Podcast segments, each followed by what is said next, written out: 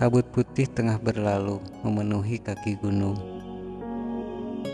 Perasaan perih sembilu pernah menjejali jantung ini.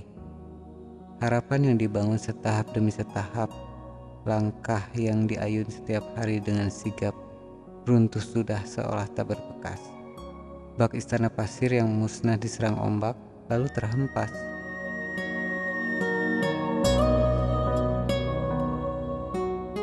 Tolong katakan wahai air laut, seberapa cepat aku akan memaafkan diriku sendiri. Berapa pena lagi yang harus kuhabiskan? Berapa kertas lagi? Dan berapa buku lagi yang harus kubuka? Bahkan untuk membuka harapan saja rasanya kini berat.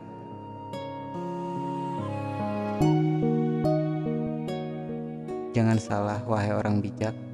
Aku tidak sedang mengeluh Aku hanya sedang mencoba melepaskan semua penat, menyuarakan isi hati sejenak agar tidak menyarang terlalu lama dan membuatku sesak di dada.